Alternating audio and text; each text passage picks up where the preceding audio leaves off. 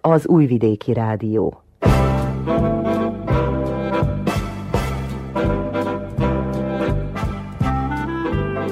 Mozaik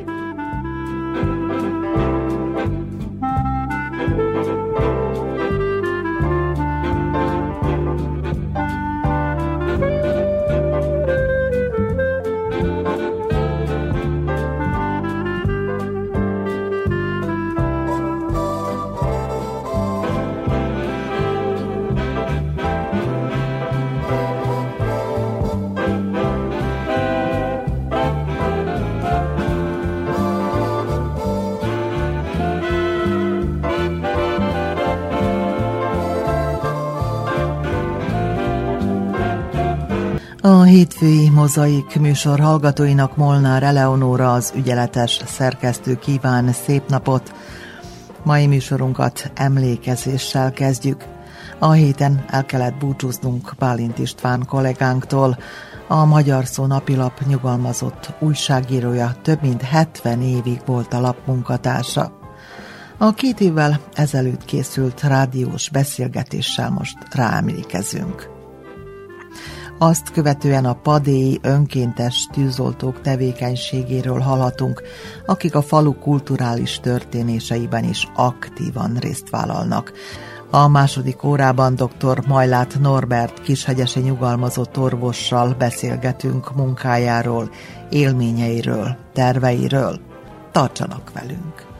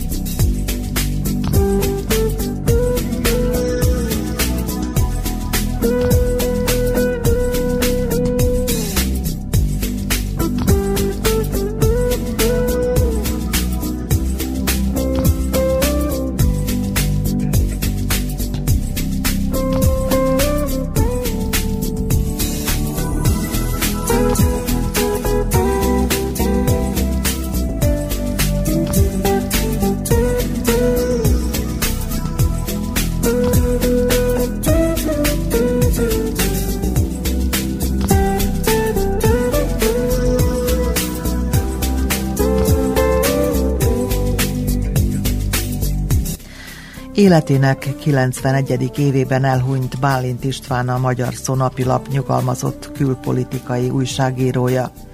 Két évvel ezelőtt adott rádiónknak utoljára interjút, amit Pintér Andrea készített.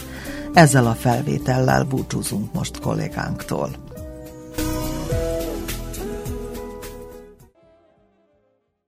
Én 1950-ben épp, hogy lérettségiztem, júniusban lérettségiztem, 19 évesé voltam, és július 1-én már magyar szós lettem. Annak, annak az a történetet tulajdonképpen, hogy engem ők már nyilvántartásba vettek, mert volt egy pályázat, a verseny a ifjúság szobában, és, és ott én a második díjat nyertem. Az első díjas volt a Petrovics Kálmán, ő rögtön újságíró lett, július 1-én már munkába álltam, azzal a tervel, hogy vagy maradok, vagy se, hogy vagy maradok, vagy se, az onnan ered, hogy engem már fővettek az orvosi fakisra. Akkor nagyon nehezen ment, és szigorúan válogattak. És én azt mondtam, hogy na jó, eljövök, annyi, kapacitáltak, meg kicsit párszonalon, hogy megnyomtak, eljövök, megnézem ezt a munkát, és ha megteszik, akkor itt maradok, ha nem, akkor megyek októberben az orvosira. Igen, ám, de akkor behívtak a tartományi párszvezetőségre, és közölték velem, hogy engem már fölvettek a diplomáciai újságírói főiskolára, ami nagyon előkelő iskola volt, ott képezte a diplomatákat, meg a, meg a politikusokat, és nem volt más, maradtam a magyar szóval. És a magyar szóban maradt 70 évig? A magyar szóban ez a 70 éves maradásom az kicsit komplikáltabb. Mert én tulajdonképpen 29 évet töltöttem aktívan a magyar szóba, amíg ott ültem a szerkesztőségbe. Akkor 80. január 1-től meg kellett alakítanom a Szövetségi Végrehajtó Tanács fordító szolgálatának a magyar szerkesztőségét. És akkor én oda átmentem, átvettem még két külpolitikus, meg egy csomó magyar szóst, és azzal a földi telep vállaltam ezt a tisztséget, vagy hagytam magam rábeszélni erre a tisztségnek az elvállalására, hogy megmarad nekem a, a hármas oldalon az én két hasában. És ezt a két hasáb meg is maradt. Persze az újságírás azért nem szakítottam teljes, nem csak azért, mert állandóan minden, minden hétvégi számban benne voltak ezek három hasábos írások, nem csak ezzel nem szakítottam az újságírással, hanem egyszer elmentem Párizsba megválasztani a Mitteránt, és büszke voltam rá, hogy magyar szólt az első lap a világon, amely megírta, hogy győz. Úgy volt egy korszak, amikor már kezdődtek a cirkuszok itt nálunk, kezdődött a dél-szláv belháború. Akkor én, én tudósítottam a magyar lapokat, egy darabig a Magyarországot, még a haveron volt a főszerkesztő. 40 éves munkakor után nyugdíjba mentem. Tehát én 90-ben nyugdíjba mentem. És hogy maradt mégis úgy, hogy továbbra is folytatott az ugyanúgy, írás? Ugyanúgy maradt továbbra is az én hármas, hármas oldalon, és ráadásul még próbáltam aktív újságíróskodni is, például a dolgozókat, utódját, a családi kört, annak én csináltam a külpolitikáját, ajajaj, a második főszerkesztőtől, nagyon régóta én csináltam a külpolitikáját, és a családi körbe ezt folytattam, egész addig még el nem ment Szabadkára. És, elment, és tudósítottam őket néhány magyarországi választásról.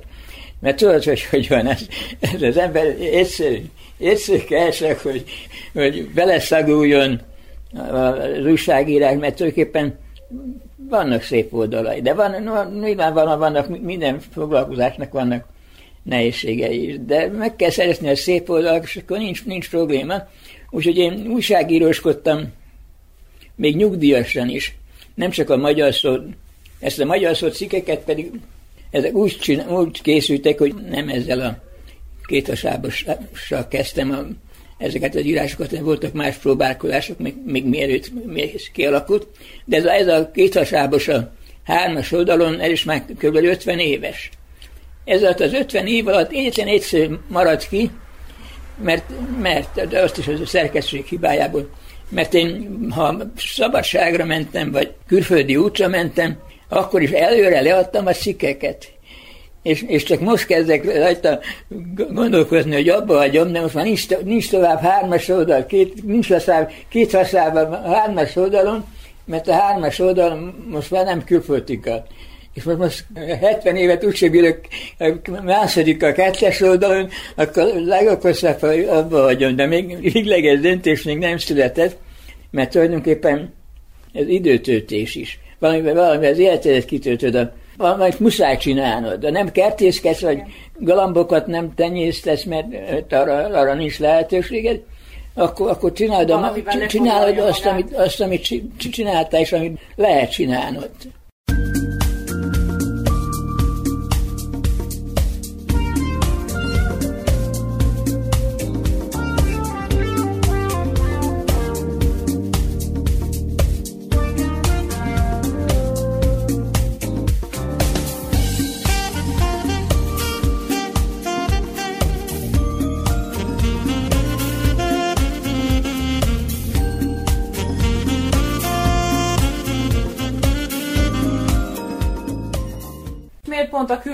Külpolitikát választotta, vagy miért pont a külpolitikához ja, a külpolitikát került? Mi érdekes, ezt én magam most egy utólag megmagyarázni, de mikor bekerültem a szerkesztőségbe 50 júliusában, akkor megkérdezték, hogy, hogy mit választanék. És én, de nem tudom, nem tudom visszaemlékezni, hogy mi volt, mit, mit hatott rám, hogy én a külpolitikát választottam.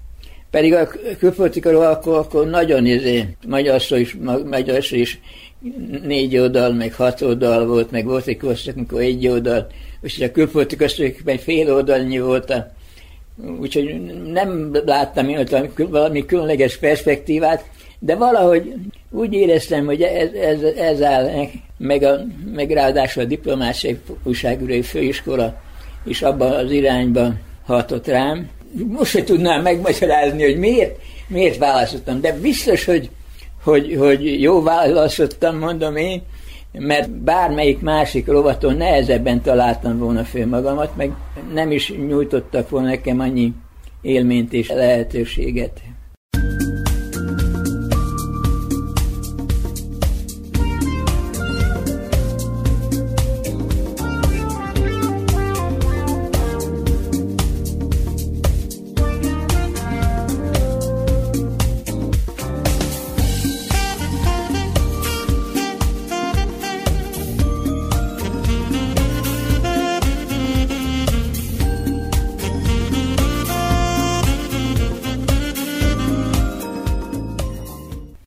Hát ami azt illeti, én eléggé bejártam a világot, és Európában Norvégia, meg Albánia kivételével minden országban voltam néhányszor, és vannak ezek a törpe államok, azok közül is csak Cipruson, meg Andorában nem voltam, még Liechtensteinben, Luxemburgban, anyám kínja, minden, minden országban, és, és én ezeket az utazásokat én szerettem. Párizsban meg évente kétszer eljutottam. Külpolitikán tulajdonképpen szerves részét tartottam a munkámnak azt, hogy külföldre, külföldre utazzak, és szívesen mentem bárhova. A legnagyobb újságíró élmény az a francia forradalom volt, a 68-as francia forradalom.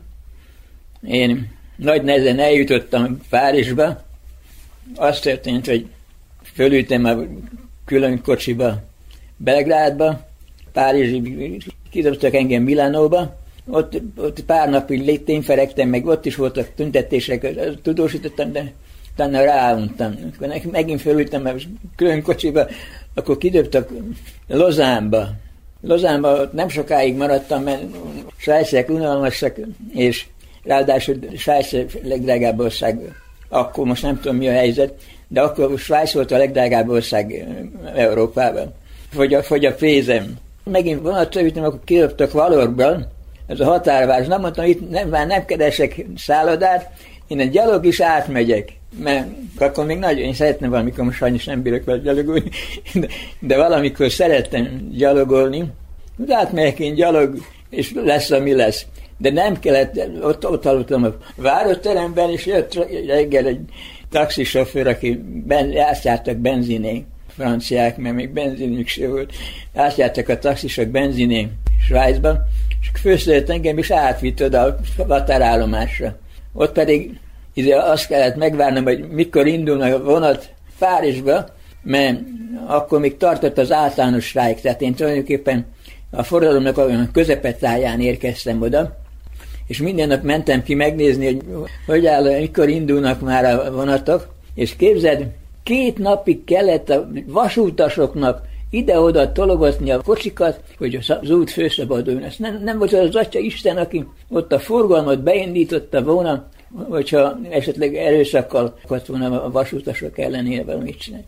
És akkor végül megindultak, eljutottam Lyonig, akkor Lyonba átszálltam, Lyonba mind, mindenki akkor ment, tele voltak, és megérkeztem, megérkeztem. A forradalom még nem ért véget, még a legértekesebb része még tartott, a fiatalok, fiatalok még, még tartották magukat a sorban is, meg, és, és én mentem velük, jártam oda hozzájuk. Az egy élmény volt, igazi élmény volt a forradalom maga ez az utazás is ezekkel a viszontagságokkal, meg nem is szóval, hogy elfőtt a pénzem, hogy Párizsba, hogy kellett valahogy fészereznem, de maga az utazás is tele volt izgalommal, de, de maga a fiataloknak az a, az a, még egy hónapot körülbelül kitartottak, mikor az általános véget ért. Meg volt egy érdekes egy gyűjteményem, a 68-as forradalom kiadványai, röpíratok, faragaszok, a magyar szoba volt nekem egy fiókom, egy, egy szekrénykém. Ott, ott volt a dokumentáció. Amikor átmentem fordítószolgálatba, akkor maceráltak, hogy ülésen már ki, ülésen. Akkor végül már elvesztettem az idegeimet, és, és egyszerűen csak kirántogattam a dolgokat a főt, de na, itt van, adom vissza nektek azt, és közben sajnálom, mert voltak, ezért, voltak képeim is. Például volt egy képen, kollégáktól kaptam persze, volt egy képem, ahol állok a karzaton, és látszok én, meg látszik lent dolgozik a Helsinki csúcsértekezlet. Meg volt egy képem, ahol Indira Gandhi székének támaszkodva ezek milyen képeim voltak. Annyi eszem nem volt, hogy abban a korban még tudod, még az ember még fiatal nem is gondol arra, hogy öreg lesz, és esetleg ezek az emlékek, ezek valamit jelentenek.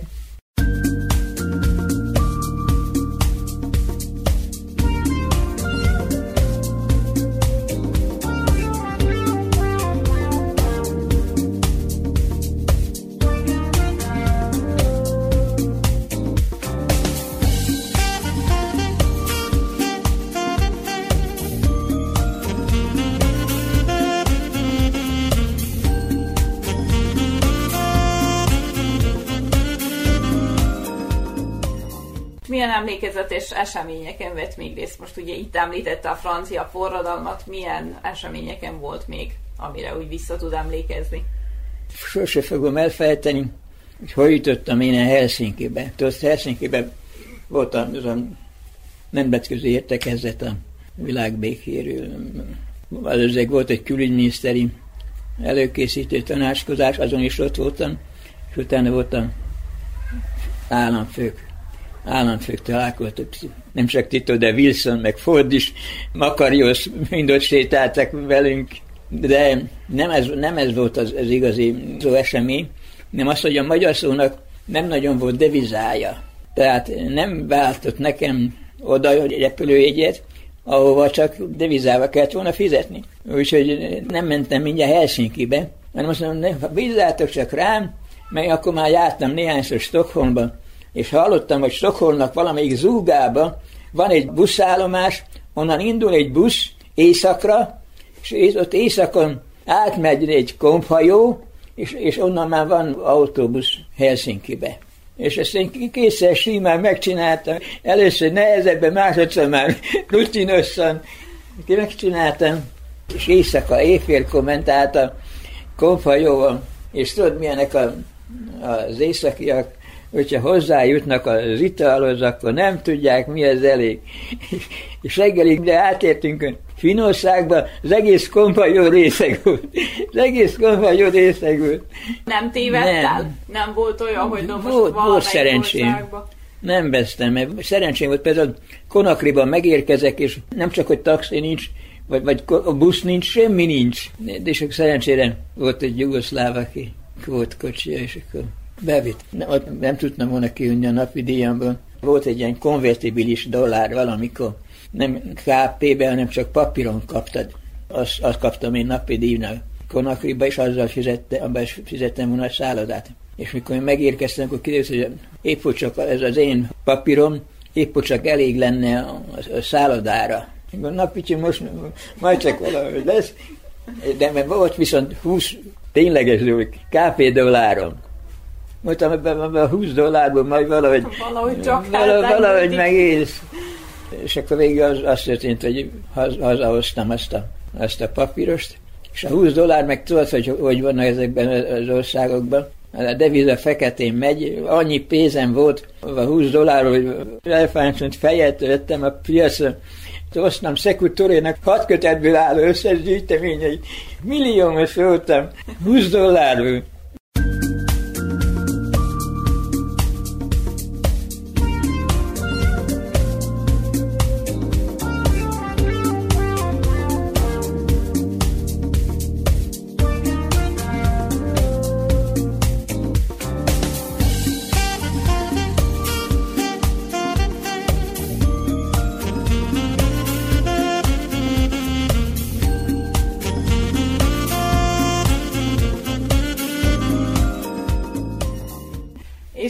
Politikusok közül kik azok az emlékezetes személyek, akikkel akár személyesen is találkozhatott? Sokszor elmeséltem a Kádárt. Volt egy Péter bácsi nevű magyar külügyminiszter. Ez a külügyminiszter engem már ismert, találkoztunk valamilyen eseményeken, és az elnöki tanácsnak volt egy fogadása, és ott a Péter bácsi bemutatott engem a Kádárnak. A Kádár mondja, mondja meg az eltárseknek, hogy olvasom alapjukat, ezt sokszor már elmeséltem.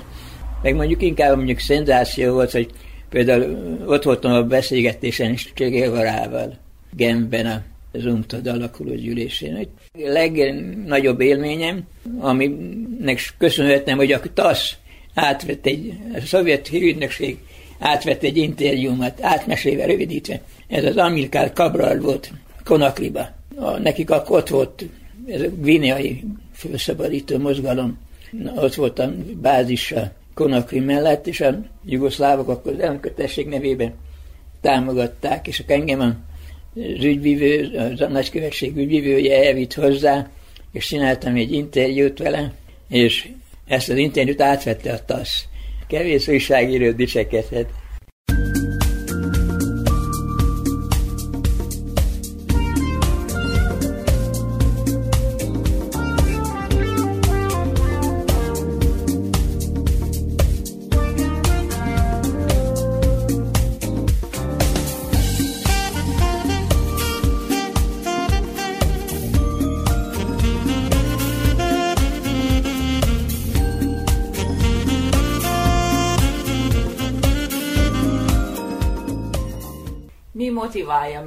Hogy minden nap írjon? Valamivel ki kell tészni az időt.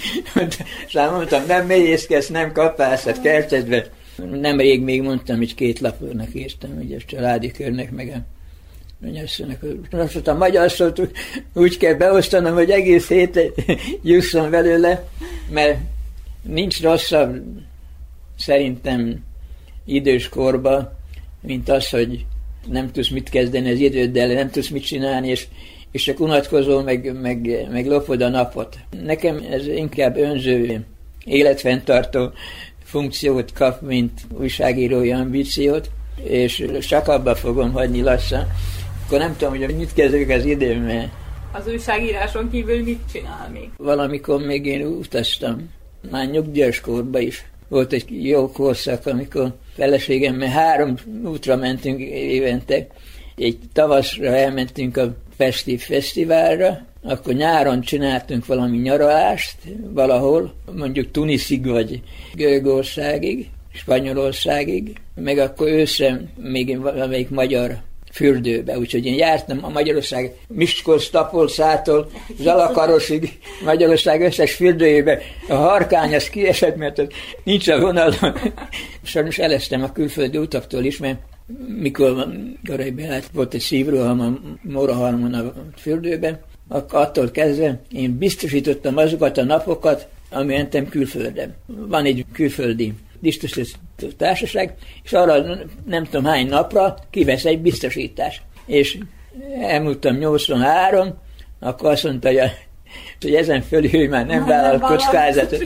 Akkor azt mondja, jó, neki, neki kockázat, akkor nekem is, és nem megyek többet külföldre. Útlevelem sincs.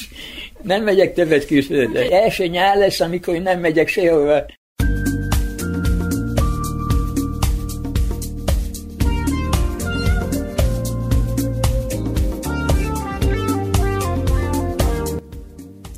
Bálint Istvántól búcsúztunk a két évvel ezelőtt vele készült interjúval, amit Pintér Andrea készített.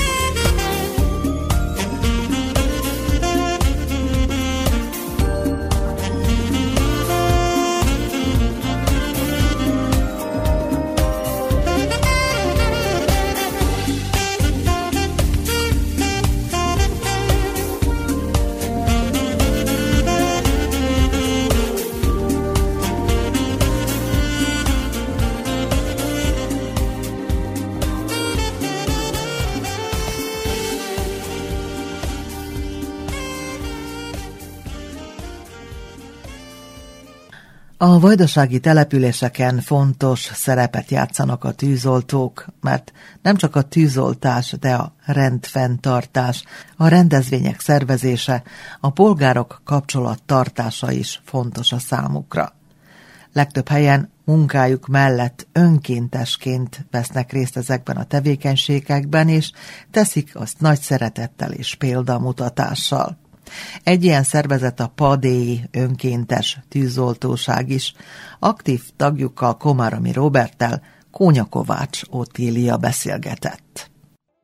Padén az önkéntes tűzoltó egyesület igen aktív szervezet, és a közelmúltban láttam, hogy elég sok munkájuk is volt. Így aktív tagként Komáromi Robert mit mondana erről az egyesületről, a tűzlovagokról, hogy mint működnek. Tudomásom szerint ugye a civil szervezetek közül a Padé Önkéntes Tűzoltó Egyesület a második legidősebb civil szervezet. Előttünk egyedül idősebb a fotballklub, aki most már lassan közel száz éves lesz. Még kicsivel fiatalabbak vagyunk tőlük. Ők 1934-ben alakultak, mint 36-ban. De még azért tartsuk ezt a dátumot ugye alakuló időpontnak, mert odáig tudtuk visszavezetni mi saját levéltárunkba a fönnmaradt dokumentációt. Mert ugye 90-es évek fránya háborúja, meg ugye ez a menekült áradat, ami akkor úgy itt padéra sajnos, ugye, ezek nem padi emberek, azok menekült emberek voltak, azok olyan diplomákra, meg olyan elismervényekre, olyan kitüntetésekre húzgálták a kártya játéknak a győzteseit, amire én azt mondom, mai napig padi magyar családoknak a dicsekvési relikviája lenne. Ők arra húzgálták rá a, a kártyapartinak a győzteseit, meg égették fel a levéltárunkat, azért a magyar emberek vezették akkoriában az egyesületet. Úgyhogy azt a dátumot legutoljára bírtunk följegyezni, azt jegyeztük föl, mint alakuló évnek. Azóta a Tűzoltó Egyesület töretlenül működik, leszámítva a 90-es éveket, amikor három emberre esett le az Egyesület, és a saját cégházunkban azt kellett megélnünk, hogy a menekültek vezették az egészet, míg mi a saját garázsunkba szorultunk vissza, amikor is 97-ben egy olyan magyar vezetőség került a falu élire, akik azt mondták, hogy Ácsi, ez így nem működik, ezen kell valamit lendíteni, kell valamit újítani, és akkor átvették a tűzoltóságnak úgymond a vezetőségét, és azóta úgy mondjam, hogy főfelé működik, rengeteg munkát, energiát fektettünk bele az egész egésznek a működtetésébe, úgy mondjam. Ugye több generáción köröztül, én például 2002 óta tagja vagyok, 20 éve, ott nyújtam fi abba az egyesületbe, oda vezettek be olyan emberek, akik mai napig például most már nem is vonulnak tűzre, nem csak segítkeznek, de azt is tudni hogy a tűzoltó egyesület, főleg a padíró, hogy eh, törekszünk arra, hogy ne csak a szent dolgot csináljuk a tűzoltást, hanem a társadalmi élet is folyjon. Ugye ez,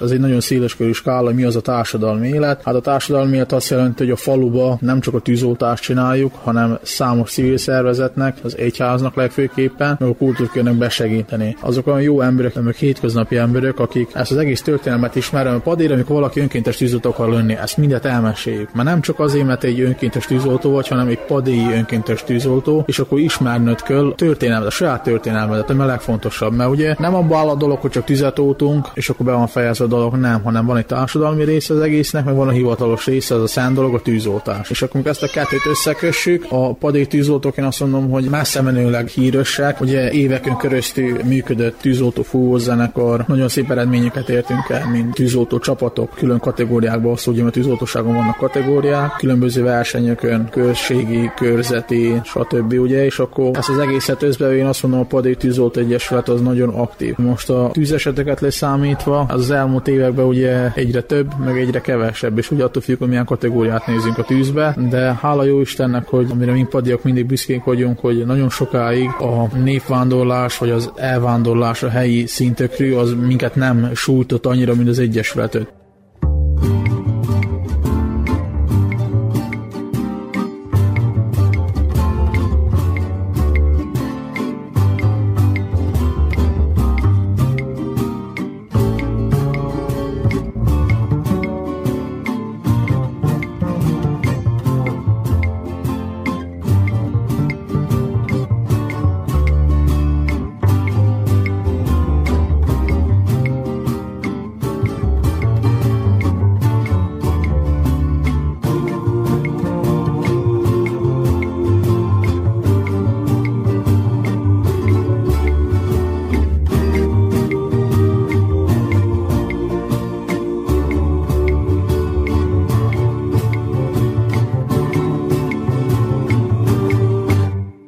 Viszont az elmúlt években azt tapasztaltuk, hogy egy nagyon erős állomány lélombozódva van, mert ugye az ember a saját kenyere után elmény először lehet, hogy Magyarországra, aztán Ausztriába, Németországba, de nekünk, mint tűzoltók, akik együtt egymást védve, egymást óva menjünk be tűzbe, az nem, hogy rosszul esik, hanem hogy mint a saját magadat veszíteni, de vagy a társadat veszíteni, de ugye akikkel éveken, kiképzéseken, gyakorlatokon, vizsgákon menték köröztül, hogy ugye elmennek mellőled, ugye a saját családjának a boldoglása véget. De mindig törekszünk, hogy új embereket vonjunk be, fiatal gyerekeket, akikre lehet alapozni, meg akik szerintünk itt vannak maradni padén, és ezt a tűzoltó egyesületet tovább fogják vinni, mert hála jó Istennek az a padé tűzoltó egyesület, hogy mondtam, hogy nagyon nagy történelemmel, meg történettel rendelkezik, meg most mennyire dicsepésem méltó vagy nem, ugye, de úgy jön ki, hogy a saját otthonunkba vagyunk bérlők, ami nem nagyon jó, mert ugye az új törvény azt mondja, hogy nincsen társadalmi tulajdon, csak van magántulajdon, meg állami tulajdon. És ugye ezt a padé tűzoltóság is átvészi, tehát az egész procedúrát, de kemény kötési gyerekek vagyunk, nem fogjuk engedni azt, amit a mi őseink bizonyítottan saját kezűleg építettek, hogy a szerb állam csak úgy jogtalanul elvegye, mert hála jó Istennek mai napig vannak köztünk olyan élő magyar tűzoltók, akik ugye mind akkor fiatal legények nem voltak szakmabeliek, de viszont tudtak téglát pucolni, tudtak anyagot hordani, azok mai napig képe bizonyítva, meg saját munkájukkal bebizonyították, hogy ezt az épületet kompletba a Padé Magyar Önkéntes Tűzoltó Egyesület tagjai építették. És nagyon nehezünkre esik, amikor egy szerb állam ilyen kifogásokkal gyűjön, nem lehet társadalmi tulajdon, semmi gond, lehet az állami, de akkor adjátok ide nekünk a mi főhatóságunk alatt legyen. És mindent mögtöznek, mindent mögtöznek, hogy csak ne a miénk legyen. Minden meg van, hogy legyen, hogy ne legyen. Ez mit jelent? Miénk legyen, nem működjön, inkább menjön tönkre, csak ne legyen benne semmi. És én tudom, hogy rengeteg munkakciókon vettünk részt, hogy úgy kialakítani azt a tűzoltót, hogy az otthonias legyen. Mert tűzolt otthon, ha nincs egy faluba tűzolt otthon, én nem mondom, hogy az nem falu, de nincs neki olyan nagy ereje, húzó, vonzó ereje annak a falunak. Egy tűzoltóság az tudnivaló, hogy az minden ott van. Különböző rendezvényeken, főleg régebben bálakon, úgyhogy azért mond nagy hagyomány van az önkéntes tűzoltó egyesületnek padén.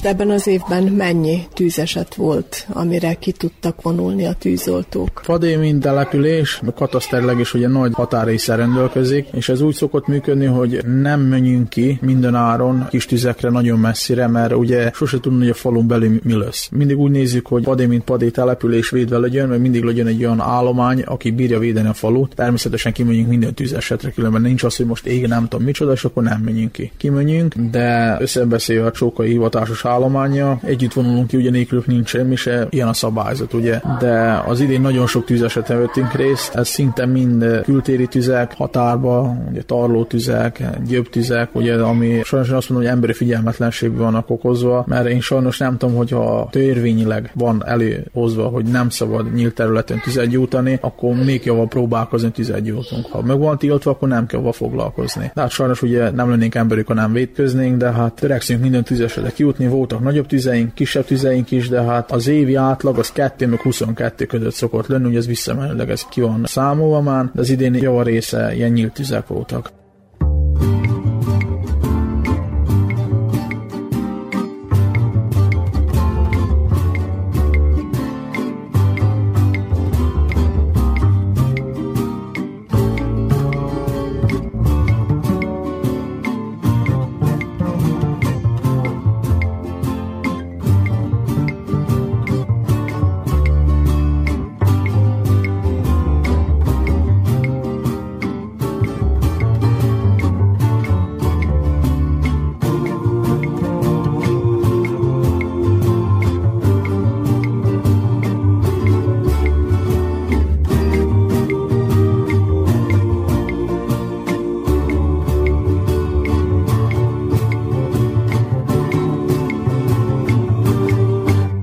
Hány tagja van az Egyesületnek? Az Egyesületnek körülbelül 30 pár főre vethető a bevethető része, ami azt jelenti, hogy annyi ember möhet ki hivatalosan tűzre. Ugye ez 18 és 55 év közötti emberekről van szó, ez között hála Istennek vannak nők is, ami nem azt jelenti, hogy nőknek ki kell tűzre, de viszont aktív dolgok az Egyesületen belül. Ami viszont a Padé Tűzoltó Egyesületre is elmondható, hogy vannak ifjúsági csapataink is, hála Istennek versenyeken mindig eredményt hoztak, ami azt jelenti, hogy az első három közt mindig benne vannak. Erre nagyon büszkék vagyunk. Az utóbbi években az is lehet mondani, hogy a fölnőtt csapat 89, ez szóval 1989 óta tavaly előtt vagy négy év ezelőtt hoztak először érmet, az több mint 30 évre rá, úgyhogy nem kevés, nem kicsi eredmény volt. Ez mellett vannak, hála Istennek tiszteletbeli tagjaink, akik azok az emberek, akik itt voltak, mikor épít az Egyesület, vagy az új székház, meg emlékeznek a régire, hogy hogy állt. Ezek az emberek mindent kihúzni, minden információt, hogy valamikor, amikor védekezni kell, majd ott legyenek, meg mink is ott legyünk, hogy ezt elbírjuk mondani. Hála Istennek mondom, vannak ezek a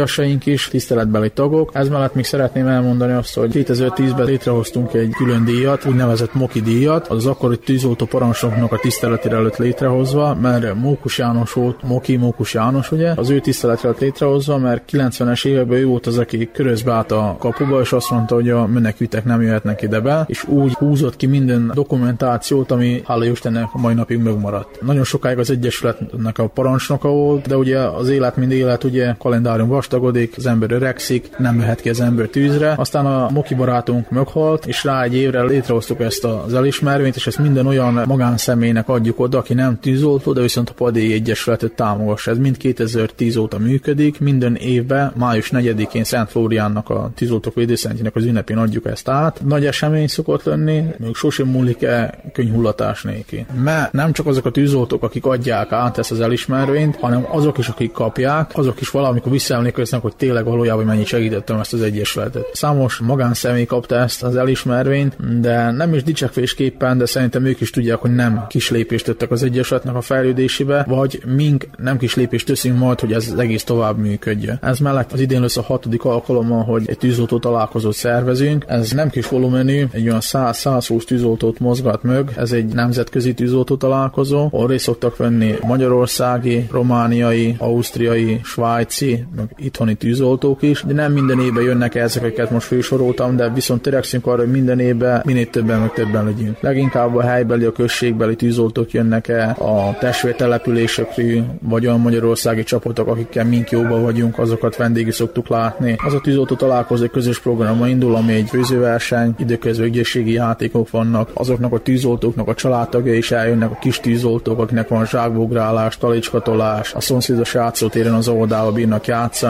Aztán van egy szerény eredményhirdetés, ajándékátadás, és ugye a, legfontosabb a közös programzárás, az ebéd, vagy a, vacsora, vagy a mulatság, és akkor a messziről jött vendégeink, azok padén alszanak, padén pihennek egy jót, másnap van egy közös ebéd megint, és körbe vezessük őket a faluba, megmutassuk a faluba a nevezetességet, mert hála Istennek a padíjaknak van mivel dicsekedni, az a két templom, a pravoszláv, a katolikus kastély, ugye a községháza, valamikor a komp, a kompjárás, van egy mini állatkertünk, ugye, meg ugye a legfontosabb az Aranka meg a Tisza. Ezt nem sokan bírják elmondani, ugye két folyó van a falu partján, de hát mi padjak ezzel is bírunk dicsekedni, és akkor az itt lévő vendégeinknek, a magyarországiaknak, vagy éppen a távolabbiaknak ezt mindent meg szoktuk mutatni, és már úgy búcsúzunk el egymástól, hogy mikor lesz a következő tűzoltó találkozó. Úgyhogy nagyon jó eredmény szokott lenni belőle különben, meg mindig mondom, besegítünk különböző eseményekre, például a padi búcsú alkalmával, amikor 175 éves volt a templomunk, annak az apropójából uráltottuk a köröztöt, tűzoltók finanszírozták az egészet, hogy az akkor megboldogult Fischer plébános úr kérte fel a tűzoltó egyesületet, alaptú tettéig felújítottuk a köröztöt, úgyhogy számos, számos munkakción részt veszünk, ami a falut illeti, főleg az egyházat támogassuk, úgyhogy hogy ez egy szent dolog. Azt mondom, hogy a kultúrkör után a tűzoltók a legaktívabbak.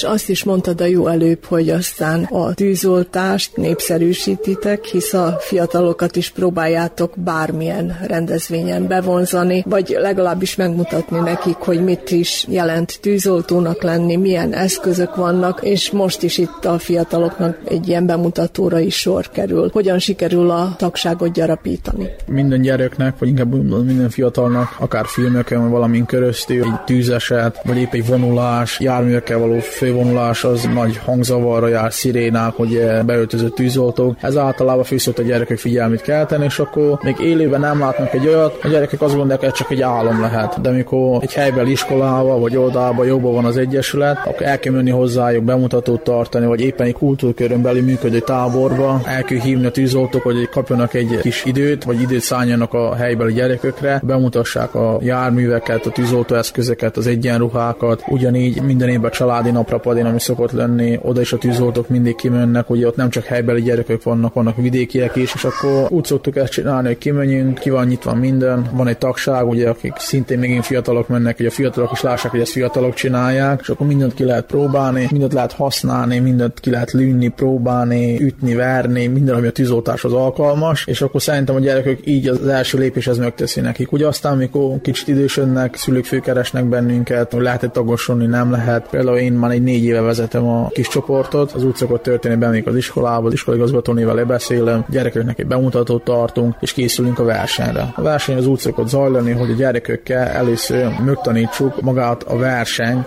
vagy a verseny folyamatát, mind játék. Mikor a gyerek megtanul játszani, akkor meg kell tanulni szabálya játszani. Hogy lehet azt előre, de viszont vannak szabályai. És akkor, amikor megtanulják a játékot, meg a szabályt, akkor így összejön a versenykép. Mikor ez megvan, akkor csak annyit kell megcsinálni, hogy a gyerekek ne beszéljenek, és pontosan csinálják a feladatot, és akkor lehet bele első, második, harmadik hely. És hála jó Istennek ez már évekkel visszamenőleg a padi gyerekek mindig hoznak érmet, és akkor ők a mi utánpótlásaink magyarul mondom, mert elkezdik 10-11-2 évesen, sőt vannak olyan gyerekek, akik nem is kell küzdeni, mert apuka vagy a tata, sőt a dédtata is valamikor önkéntes tűzoltó volt. És itt olyan generációk vannak összekötve, hogy száz évre visszamenőleg most már lassan van állandó utánpótlás családokból. És ez, ez például dicsekvése való. Dicsekvése méltó azért, mert egyszerűen a családok attól függetlenül, hogy kiöregödtek, de mindig volt utánpótlás abból a családból. És mai napig aktív tagjai ennek az egyesületnek.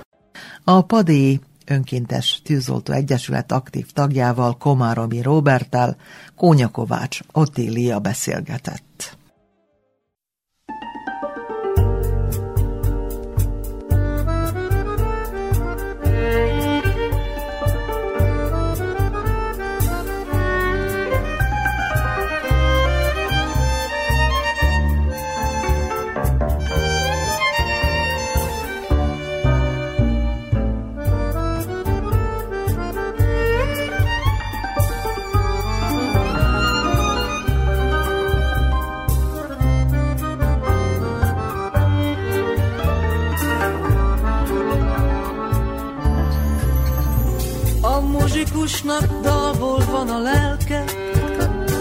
Egész világ szíve dobog benne, a muzsikusnak smoking a kabátja, és nincs egy igaz jó barátja.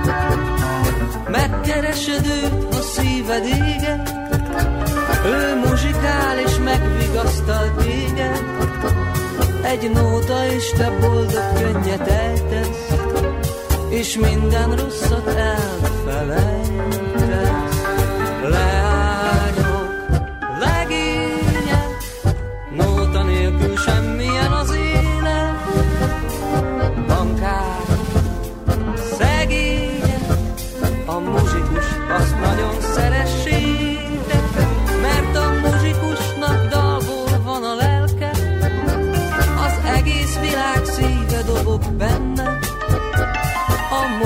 Muzsikusnak smoking a kabátja, és nincs egy igaz jó barát.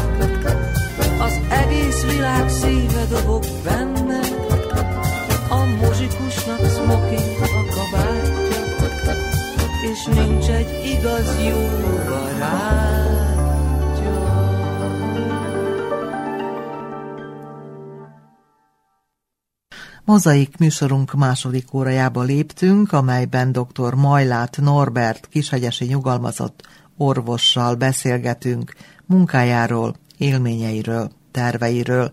Dr. Majlát Norbertel Prezovski Andrea beszélgetett.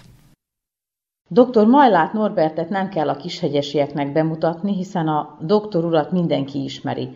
Tíz éve vonult, ha jól tudom, nyugállományba, előzőleg pedig általános orvosként, majd gyerekorvosként dolgozott a helyi egészségházban. Hogyan került doktor úr az orvosi pályára? Talán esetleg a családban is volt már előzőleg orvos?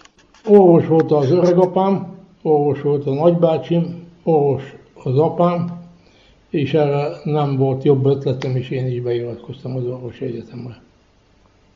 Mit látott tőlük gyerekkorukban, hogy megfogta az orvosi pálya? Tulajdonképpen olyan túl sokat nem láttam, úgyhogy nem volt olyan nagy elképzelésem az egész orvosi pályáról, ahova kellett menni. Befejeztem a középiskolát is, erre föl, hogy most mit válaszol az ember, ez a lehetőség át. Ugye igaz, hogy itt föl kellett, be kellett iratkozni, nem most van könnyű veled beiratkozni, úgyhogy ugye beiratkoztam az orvosi egyetemre és azt be is fejeztem. És hol fejezted? Újvidéken. Szarajevóban kezdtem, és Újvidéken fejeztem be. Ott egy évet eltöltöttem, és akkor eljöttem Újvidékre, és itt fejeztem be, és itt fejeztem be a specializációt is. És miért épp a, a gyermekgyógyászat irányába specializálódott? Kis és talán én voltam az első ugye, szakképzett gyerekgyógyász, mert azelőtt még nem is követelte a társadalom se, hogy külön gyerekgyógyász legyen, és ezért okvetlenül kölött az egészségháznak egy gyerekgyógyász szakorvos. Először ezt úgy oldották meg, hogy valami gyors talpaló, fél gyerekgyógyászati kiképzést adtak az orvosoknak, és az valahogy vette a szükségleteket, a megnövekedett, meg kiterjedt szükségleteket, később pedig eh, ugye előírták, hogy azt eltörölték is, és ugye be kell fejezni a négy évig tartó szakosítást, amit szintén újvidéken kezdtem és fejeztem be. És ez mit foglalt magába, hogy újvidéken a gyermekklinikán ott gyakorlatozott? A, egy bizonyos eh, ugye, ambuláns vizsgálatokat is végeztem, azt itthon is, meg verbásan is más orvosoknak a szárnya alatt, de hát nem volt az tulajdonképpen, hanem ugyanúgy dolgoztunk, mint itt. És mikor eljött a, annak az ideje, hogy a klinikára kell kerülni, akkor átmentem az újvidéki klinikára, és ott osztályon kint, ugye van ott egy csomó ugye osztály, ugye egy egész sorozat, ugye is mindennek a legrészletesebb áttanulmányozására, meg a gyerekanyagnak a megismerkedésével, ugye az ember megismeri az egész betegségeket is. Nem csak azt lényegében tudjuk, de tapasztalatot szerezünk. És mi volt esetleg a, az a legritkább betegség, amivel a, találkozott ez idő alatt a, a gyerekbetegségek közül? Hát voltak rossz indulatú gyerekbetegségek, meg olyan fertőző betegségek, amik nagyon ritkák, és vagyis aránylag ritkák, akkor nehéz rájönni, vagy ha nem gondol az ember, akkor nem tud azonnal rájönni, úgyhogy küllenének pótvizsgálatok, amit aztán meglát, úgyhogy előfordulhatnak olyanok. De ez aránylag, ez a kisvegyes lopcsánat feketics, ez egy kisebb rész, és ezt aránylag jó ismertem, ugye a terepet és a gyerekbetegségeket is. Ez a 30 valahány évet gyerekgyógyászként töltöttem. Az utolsó 15-20 évben még nem is engedték, hogy fölnőttet megnézzek, hanem csak gyereket, illetve ha néztem, akkor azt valami más módon kellett elkönyvelni, mert az volt a meggyőződésük, hogy a gyerekgyógyászok azt végezze. Akkor ezek szerint maga 40 munkaévvel vonult nyugdíjba, 40 igaz? 43 mondjuk úgy körülbelül, nem pontosan emlékszem, hogy ez a 70 éves koromban.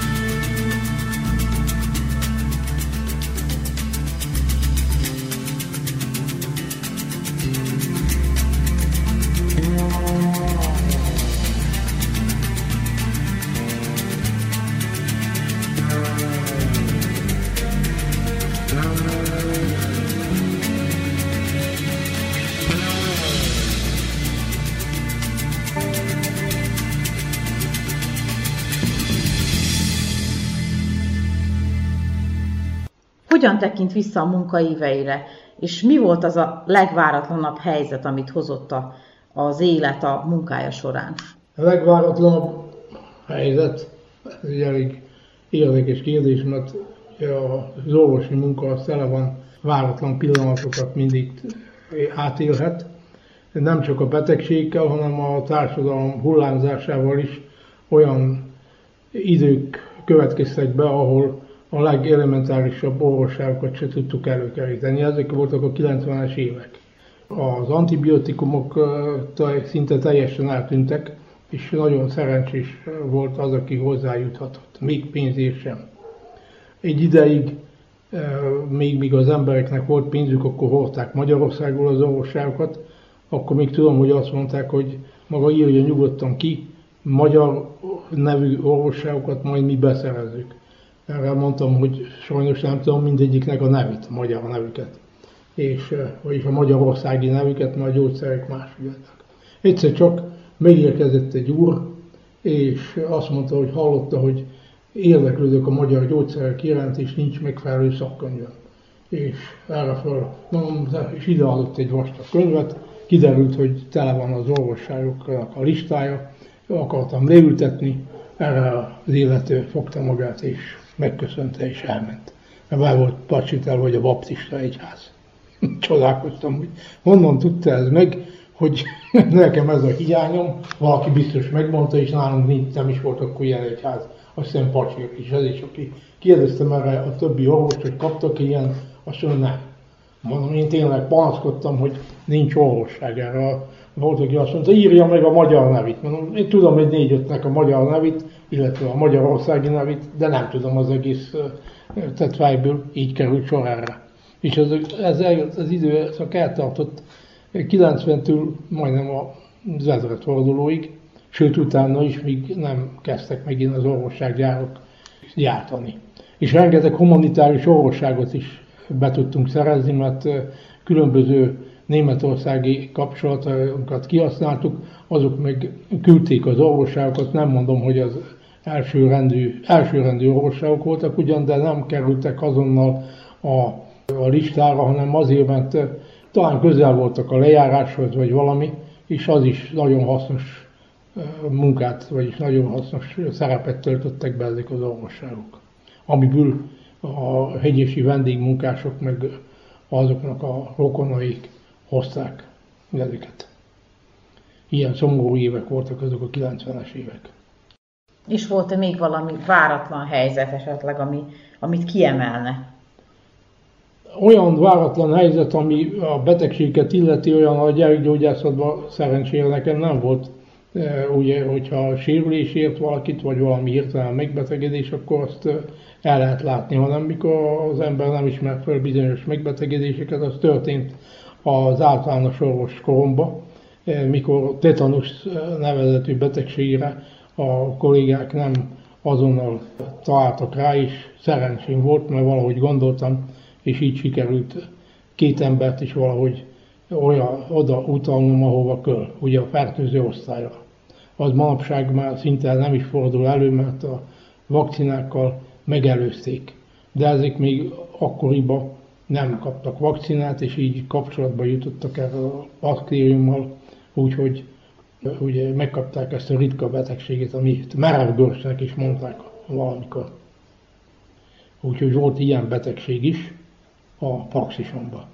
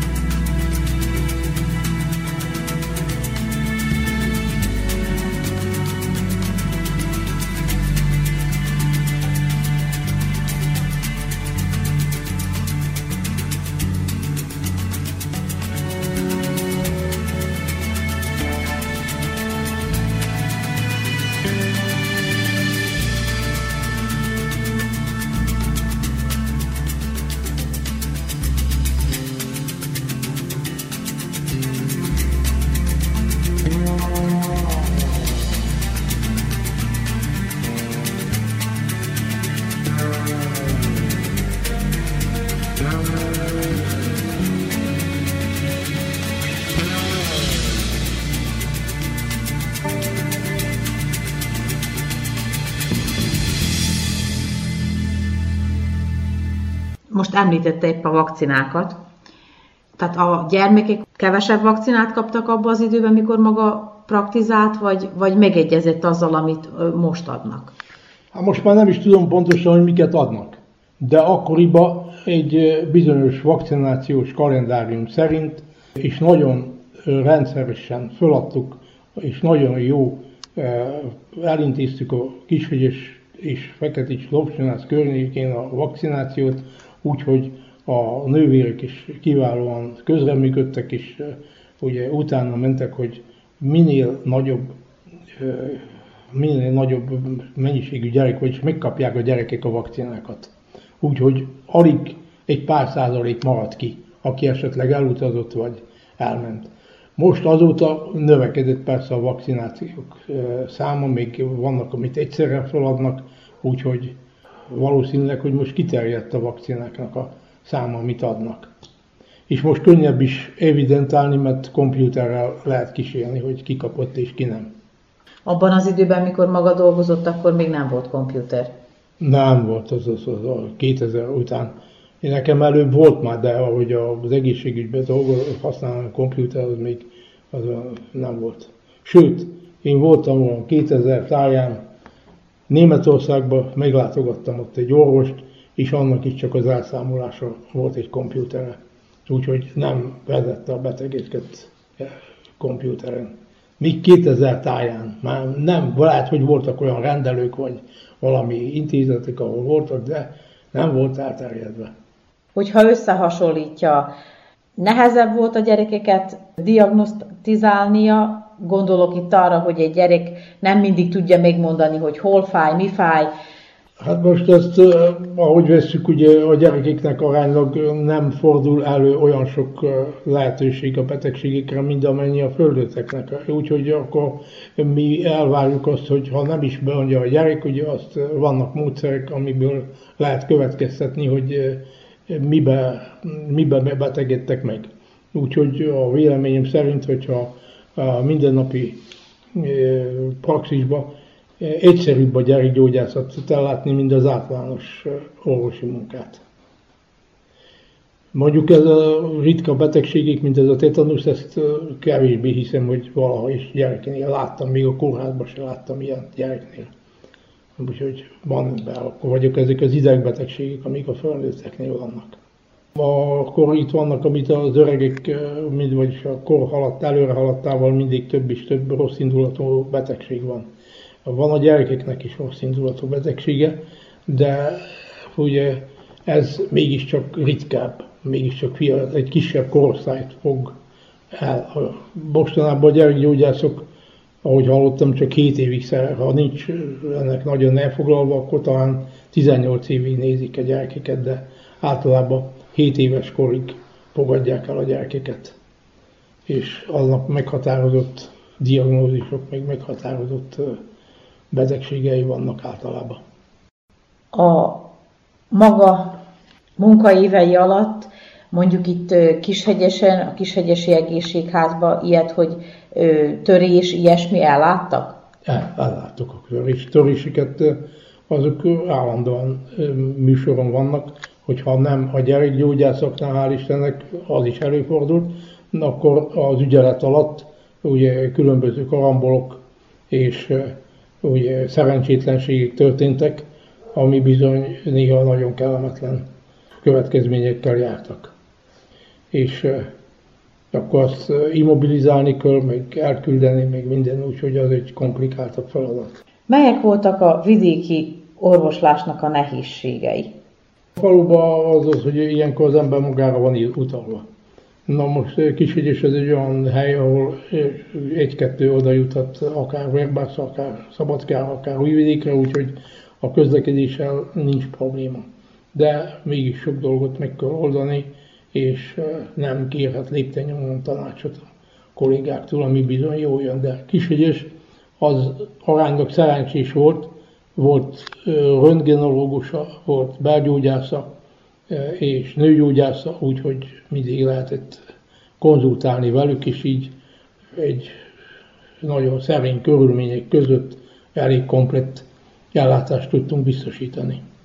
Milyen volt az akkori kollektíva az egészségügyi intézményben, mikor maga dolgozott? Szerencsénk volt, mert azok az orvosok évek óta itt dolgoztak, és akkor a baráti kapcsolat is alakult ki, és ugye számtalanszor kikértük egymás véleményét, és hogyha valami érdekesebb betegségre ráakadtunk, akkor azt kollektív is megnéztük, és alaposan átvizsgáltuk, úgyhogy az a szerencsénk volt, mert jó társasági életet is értünk a munkaidőnk alatt, úgyhogy nem így panaszkodhatunk arra, mint amit mondanak egyesek, hogy a másik rendelőben már nem tudja azt se, hogy kidolgozik. Van olyan, aki ilyen panaszsal is mondta azt mondja, nem tudom, hogy mi, mi dolgozik. Nem érdekel.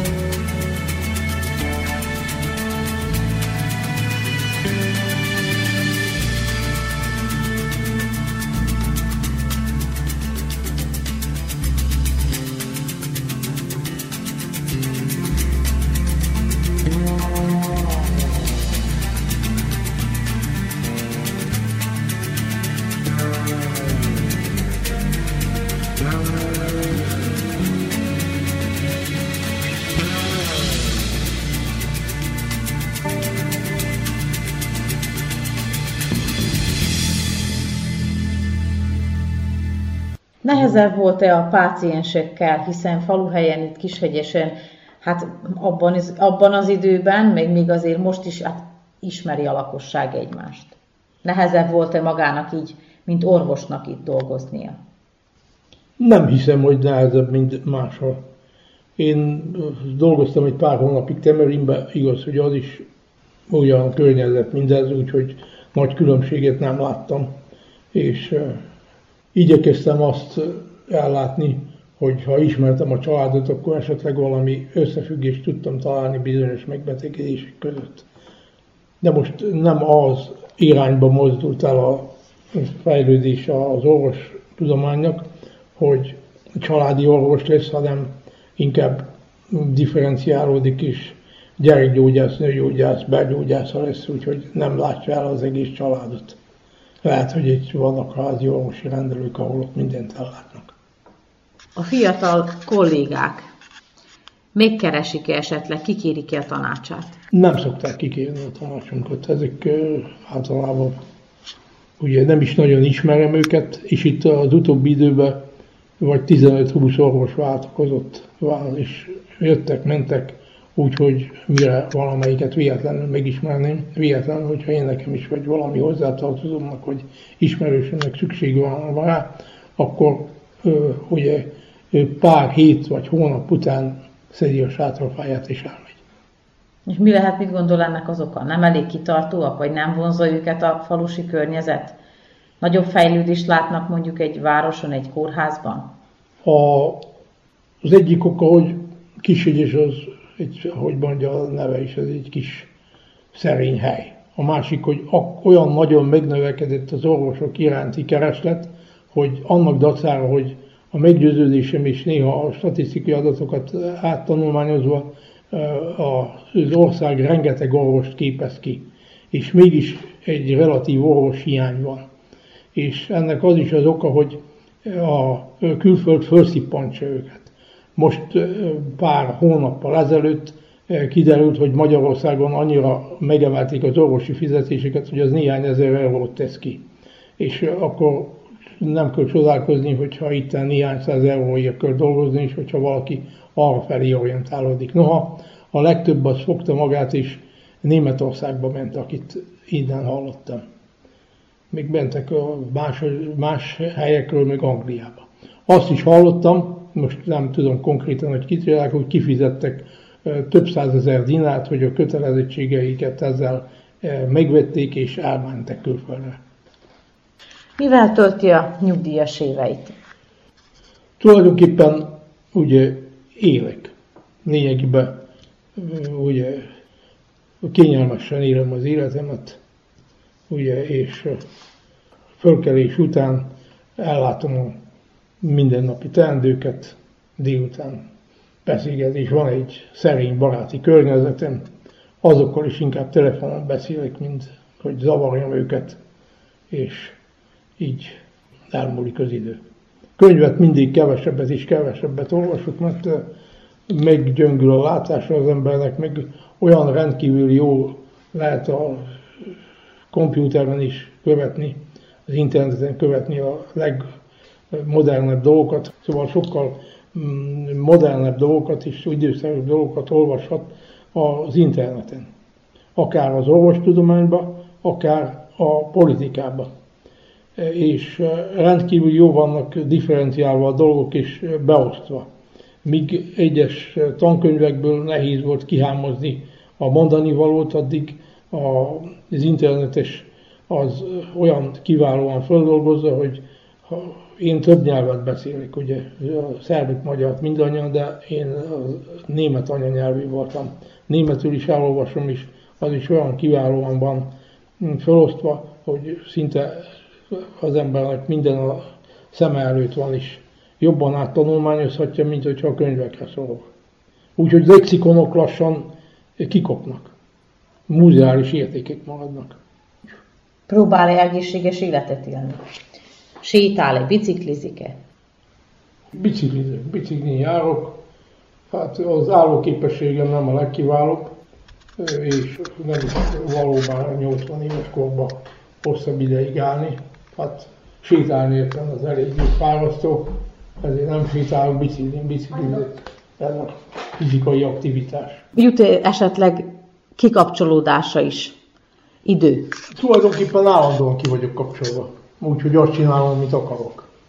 Úgy, ahogy igyekszik eleget tenni, hogyha valami családtagnak vagy ismerősnek van valami kívánsága, de azt is megoldják máshogy, úgyhogy nincs különösebb kötelességem senki iránt. Autót még vezet, igaz? Vezetek. Megkaptam a hosszabbítást, úgyhogy még legalább egy évig még autót vezetek. Hogy aztán mi lesz, nem tudom.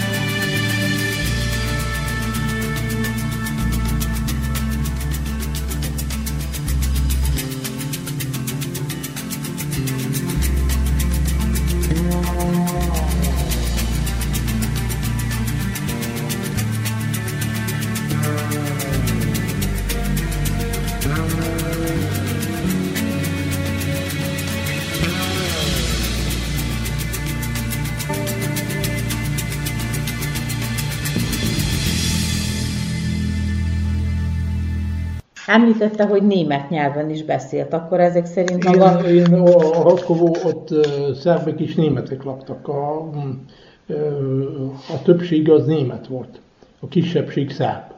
Nagyon jó meg voltak egymással ezek a népek, mindaddig, míg a háború nem kezdődött el, de még azután is. És az öregapám ott orvos volt, mikor én 42-ben születtem. Ott hónapokig tartózkodtam, vagy lehet, hogy évekig is, és megtanultam németül.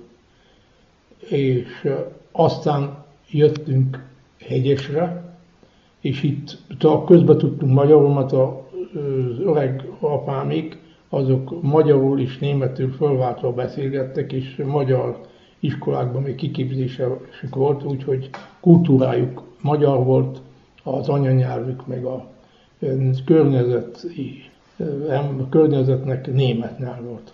De akkoriban, amikor még ott voltam, akkor a legtöbb német is tudott magyarul és szerbül is. Úgyhogy nagyobb nyelvtudással rendelkeztek szerintem, mint a mostani emberek. Az öreg apám az nem csak, hogy magyarul, németül és szerbül tudott, hanem még el az apja a szlovákot is megtanította vele. Ő átküldte a következő községbe Pivnicába, és ott egy szlovák családnál néhány hetet, ha évent eltöltött, és így tanulta meg. Magyarok kevesen voltak ottan, azok is úgy jöttek oda, mert valami szükséges ugye, munkafeladatot elláttak. Mondjuk ismertem egy, egy bádogost is, ezt úgy hívták, hogy alács. És ez az alácson csodálkoztam, hogy mi hozta ezt az embert oda Latkovóra a németek meg a szerbek közé. Ez az alács az úgy került oda, hogy a németek meg a szerbek nem rendelkeztek olyan emberrel, aki bádogos. És erre kerestek szerbet, kerestek németet, nem óhajtott oda jönni. Erre megtudták, hogy valahol Palics vagy Szabadka környékén van valaki, megérkeztek ehhez, és különböző jó feltételekkel fogták és elhozták Harkovóra. És így egy magyar ember oda került. Ez volt is később nagy bádogos műhelyt. Volt is ellátta azt a községeket. Akkor még nem voltak ennyire gépezettel, sőt, biciklin is mászkált sokat ez az alács és végezte a munkáját. És mivel maga kiválóan beszélte akkor a német nyelvet, Mégse fordult a fejébe, hogy esetleg kimegy maga is külföldre? Németországban? Voltam én Németországban, én tele voltam rokonnal. Még tele voltam később még ismerősökkel is, de és ott voltam hetekig, néha beszélgettem velük, még ott éltem, de nem voltak akkor igényeim, mert gondoltam, hogy azt, amit akarok, egyedül akartam jobb autót, amit itt nem tudtam magamnak megengedni, de többet nem bírok enni, és jobbat, még ruhára se adtam olyan sokat, úgyhogy nem mentem. Míg mindenki kiment, aki nem is tudott németül. Volt olyan hely, aki írtam a, egy pályázatra, felálltam, és azt mondta, hogy megfizetjük az úti költséget, jöjjön, elbeszélgetünk, úgyhogy majdnem, majdnem azt mondtam hogy hol is vagyok véve. De csak úgy mm, próbára érkáltam ilyeneket. Volt olyan is, így vált, hogy jöjjön el, fizessük az úti költséget, jöjjön. Mit tart a mai kornak a mondjuk a legnagyobb problémájának? Itt helyi szinten mondjuk. Ha belegondol az ember, akkor a legszomorúbb következménye ennek a társadalmi átalakulásnak, hogy a kisebb helységek, mint Kisegyes, meg a többiek, ezek lassan elnéptelenenek. Egyrészt a demográfiai problémák miatt, másrészt amúgy is kevés a szaporulat, és el is költöznek. Ez mindazí van, mert nincsenek megfelelő munkahelyek. Az lehet a fő oka. A másrészt, hogy sokkal jobb egy, és komplettabb egy városba élni, mint egy falun. Ugye, és ha ezt nem fogják valamiféleképpen áthidalni, akkor lassan nagyon kevés, szinte szállási szintre fog süllyedni a falu lakossága. Gondolom olyan kevesen lesznek, hogy kérdés, hogy érdemes-e feltartani az egész, ugye mondjuk egy egész, egészségházat, vagy ugye valami intézményt. Például most így mondom, látom a, a Fülöp Valentint ismered, az igazgatót. És ez egy két éve volt, és látom, hogy egy tudom én talán szülő még gyerek zúdul egy autóbusz Ma. És mondom, aha, mondom, ennyi ember jött Békés Szent Andrásról. Azt mondja, ezek a szülők is egyes gyerekkel, kettő is jött. Azt mondja, tudja, itt is, még ott is hiány a gyerek. Mit mondjak, mondom, mennyi? Hát tudom, mikor én elkezdtem dolgozni, akkor 700 valahány gyerek volt a kisegyesi iskolában, most meg, ha jól tudom, 300 valahány. Akkoriban körül minden évben tudtam, hogy hány iskolás gyerek van, hány oldás gyerek van, és uh, jelentést készítettem magamnak, vagy ha valakit érdekelt az egészségháznak, hogy milyen megbetegedések voltak, és milyen betegségcsoportra sorolhatók. És ezt összehasonlítottam a nagyobb részekkel. De nem mutatott senki semmi érdeklődést utána, és akkor azok megmaradtak. Úgyhogy respiratórikus, akkor gyomorpanaszok, akkor fertőző betegségek és a többi, ezek külön-külön belettek osztva, és össze lettek hasonlítva a többi községeknek a statisztikai adataival, ha volt nekik kérdés. Most pedig kompjúterrel ezt nagyon könnyű lenne megoldani. És ezeket a feljegyzéseket megőrizte munkaíveiről, amit készített? Körülbelül vannak. Nem rendeztem, mert senkit nem érdekel tulajdonképpen. Ezt az ember ott magának csinálta.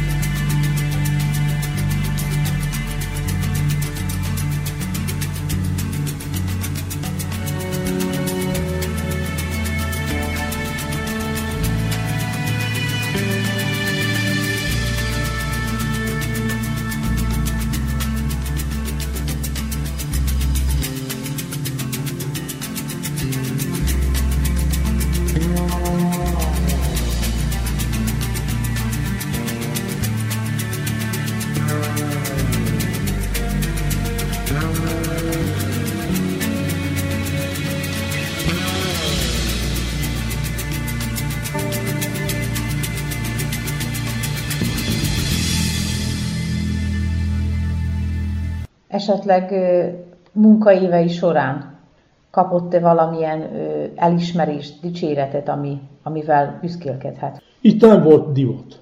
Itt ilyen lehet, hogy valaki kaptak, vagy valami politikusok, vagy az igazgatók, de az, hogy valamelyikünket is az orvosok közül mégis megdicsértek, nem nagyon volt.